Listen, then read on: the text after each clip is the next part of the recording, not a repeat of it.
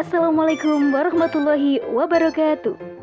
Hai sobat, balik lagi di podcast Narasi Pos Media. Kali ini bersama saya Dewi Fitriana dalam rubrik Opini dengan tema Pinangki, keadilan hukum hanya sebatas teori oleh Tia Dwi Arista. Bahwa Terdakwa adalah seorang ibu dari anaknya yang masih balita berusia 4 tahun, layak diberi kesempatan untuk mengasuh dan memberikan kasih sayang kepada anaknya dalam masa pertumbuhannya. Bahwa terdakwa sebagai wanita harus mendapatkan perhatian, perlindungan, dan diperlakukan secara adil. Kalimat tersebut keluar dari Ketua Hakim Pengadilan Tinggi Muhammad Yusuf pada 14 Juni 2021. Putusan tersebut sontak membuat publik tersakiti. Bagaimana tidak, seorang mantan jaksa yang sudah menjadi terdakwa dalam kasus suap dan pencurian uang bisa dengan mudah mendapat sunatan hukum lebih dari yang diputuskan oleh hakim. Sebelumnya, Pinangki Mirna Malasari didakwa bersalah telah menerima suap dari Joko Chandra, buronan penggelapan dana perbankan. Pinangki terbukti menerima suap sebesar 450 ribu dolar Amerika Serikat. Tak hanya suap, Pinangki juga terbukti melakukan pencucian uang. Hakim Pengadilan Tipikor Jakarta pun memutuskan hukuman kurung selama 10 tahun penjara. Hukuman ini dikarenakan beratnya kasus kejahatan yang dilakukan Pinangki. Ia dinyatakan melanggar UU nomor 31 pasal 11 tahun 1999 tentang Tipikor ia juga didakwa melakukan pelanggaran pasal 15 Jo pasal 13 UU Tipikor dan pasal 3 UU nomor 8 tahun 2010 tentang pencucian uang. Rakyat kembali meradang. Lagi-lagi tercederai kepercayaannya terhadap penegakan hukum di Indonesia. Tikus berdasi yang harusnya diburu dan dibunuh malah diberi keringanan. Mandulnya penegakan hukum di Indonesia terasa lebih parah pada beberapa tahun belakangan. Penggerusan daya penegakan hukum melalui undang-undang sudah semakin terasa. Suap menyuap menjadi berita harian yang tak absen tampil dalam berbagai media.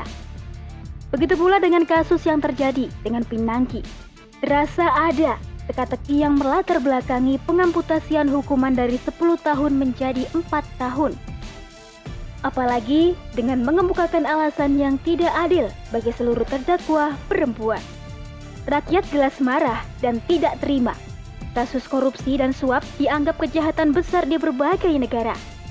Apalagi melihat kehidupan rakyat Indonesia yang sebagian besar dalam kubangan kemiskinan. Ketika disuguhkan drama pengamputasian hukuman korupsi, tentu rakyat marah dari korupsi dan suap inilah muncul kesenjangan sosial dalam lapisan masyarakat. Meski bukan penyebab utama, namun tetap menjadi persoalan yang menyebabkan rusaknya kesenjangan sosial.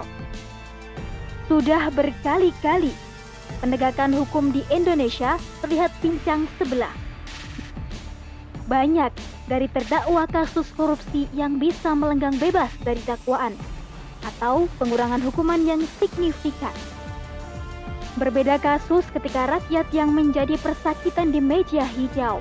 Hukuman masuk dalam, bahkan jarang menerima pengurangan yang signifikan. Hal ini semakin memperkuat dugaan adanya mafia hukum yang sering bisa digunakan oleh orang yang punya kekuasaan dan modal. Potret rusaknya peradilan hanya terjadi dalam sistem buatan manusia. Sistem yang mengandalkan pemikiran manusia dalam mengatur kehidupan Sistem seperti ini tidak bisa diandalkan dalam memberikan keadilan, dikarenakan pembuatnya adalah manusia yang serba terbatas dan lemah. Berakhir dengan banyaknya permainan yang selalu digunakan sesuai kepentingan tanpa menciptakan keadilan. Berbicara sistem yang adil, Islam mempunyai seperangkat aturan yang bisa membawa keadilan bagi seluruh individu rakyat. Didasarkan pada pencipta aturan adalah zat yang maha adil, Hukum Islam bisa diterapkan dengan sempurna ketika diaplikasikan pada sebuah institusi negara, yakni khilafah. Khilafah mempunyai mekanisme dalam menangkal dan menindak korupsi dan suap.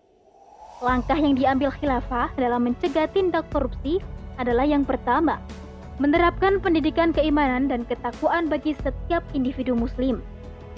Dalam pendidikan tersebut akan dimunculkan rasa takut kepada Allah dan rasa senantiasa diawasi oleh Allah, sehingga membuat individu muslim senantiasa menjaga perilakunya agar sesuai dengan syariat Islam. Yang kedua adalah menciptakan suasana yang sehat dengan saling amar ma'ruf nahi munkar. Karena saling menasihati dapat mengokohkan kebaikan di sendi-sendi kehidupan masyarakat. Yang ketiga adalah memberikan gaji yang layak bagi para pejabat negara.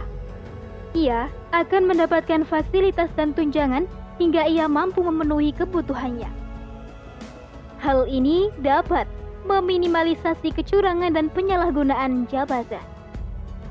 Rasulullah Shallallahu Alaihi Wasallam pernah bersabda yang artinya Barang siapa yang diserahi pekerjaan dalam keadaan tidak mempunyai rumah, akan disediakan untuknya rumah. Jika ia belum beristri, hendaknya ia menikah. Jika ia tidak mempunyai pembantu, hendaknya ia mengambil pembantu. Jika tidak mempunyai hewan tunggangan atau kendaraan, hendaknya diberi. Dan barang siapa mengambil selain itu, itulah kecurangan. Hadis riwayat Abu Dawud. Yang keempat adalah larangan menerima hadiah di luar gaji yang mereka terima. Karena hadiah ketika menjabat sebagai pemangku kekuasaan bisa diartikan sebagai rasuah atau suap.